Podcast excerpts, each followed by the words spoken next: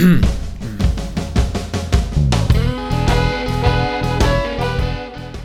li ste čuli za Voltera Skata? Ili možda bolje da kažem Valtera Scotta? A možda prvo da vas pitam, da li ste platili porez?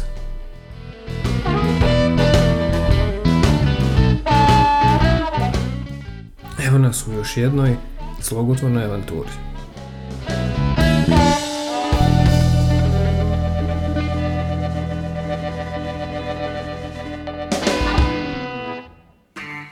Spomenuli smo u prošloj epizodi reč koja zadaje glavobolje, anglicizam. Ona, dakle, označava reči koje potiču iz engleskog jezika. Spomenuli smo i granu lingvistike etimologiju koja izučava poreklo reči. Preostalo nam je da spomenemo i neologiju, a to je grana lingvistike koja se bavi novim rečima i novim značenjima. O neologizmima u srpskom jeziku lep pregled u svojoj knjizi Srpska leksika u prošlosti i danas pruža leksikografkinja Rajne Dragićević, inače profesorka Filološkog fakulteta Univerziteta u Beogradu. Ona ukazuje na to koliko je ta novina kao određujući aspekt neologizama složen kriterijum u njihovom izučavanju.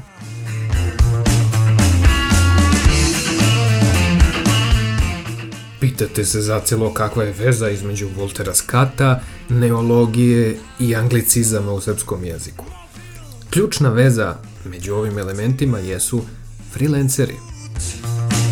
Dec ćeš ti u ovom delu grada u pola tri niko misli na nas Škotski pisac, romantičar, poznat po istorijskim romanima, Walter Scott Početkom 19. veka objavljuje roman Ivanhoe, čija se radnja odvija u Engleskoj u 12. veku. Srednji vek vas zacelo asocira na feudalizam, plemstvo, turnire, lovove na veštice i na vitezove. Svakako nam ovde nije cilj da probudimo čuveni Weltschmerz, već da uvedemo poslednji delić ove slagalice, freelancere.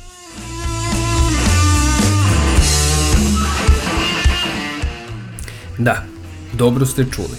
Izgleda da je, prema nekim rečnicima, Walter Scott za potrebe svog romana skovao reč freelance, koja je označavala ratnike koji nisu ni po čijom komandom, drugim rečima plaćenike. Istražujući etimologiju te reči, uviđamo da je leksema lens iz freelance poreklom iz francuskog jezika, te da izvorno označava koplje. Radi se dakle sve ukupno o reči koja meronimijski označava samostalnog ratnika. Leksema Lenz, poreklom iz francuskog jezika, ušla je mnogo kasnije u srpski u vidu glagola lansirati.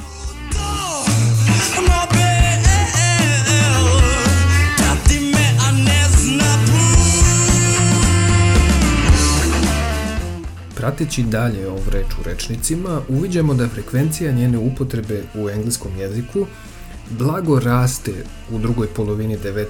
veka, što prati razvoj novinarstva, te prvu kulminaciju upotrebi doživljava početkom 60. godina 20. veka, a od početka 70. godina ona se upotrebljava sve češće i češće do 2005. godine kada rečnici počinju beležiti prvi značajan pad.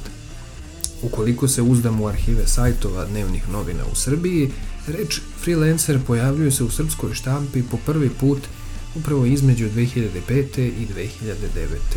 godine.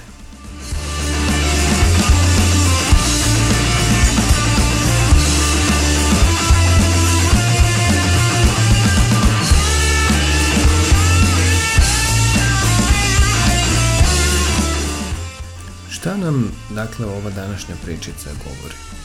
S jedne strane, govori nam možda o tome da bi preciznije bilo nazvati reč freelancer galo-anglicizmom, budući da ona u sebi nosi i reč poreklom iz francuskog jezika.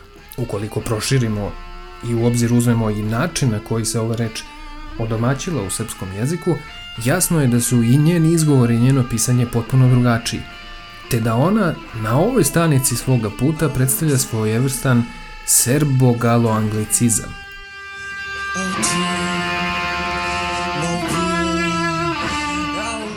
S druge strane, govori nam o tome da je značenje njeno koje je danas primarno, to samostalni radnik, od početka prisutno.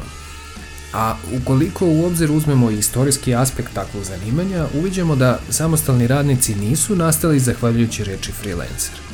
Taj reč omogućila izvesnu rekontekstualizaciju, novi fokus na nešto što je već bilo deo stvarnosti. A to nam zacelo ukazuje na neslučenu moć reči.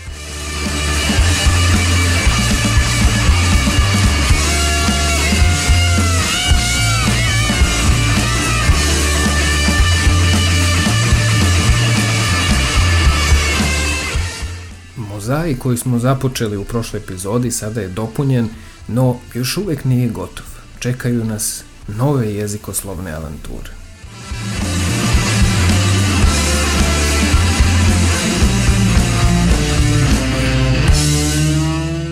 I zato do sledećeg slušanja, slogotvorni pozdrav!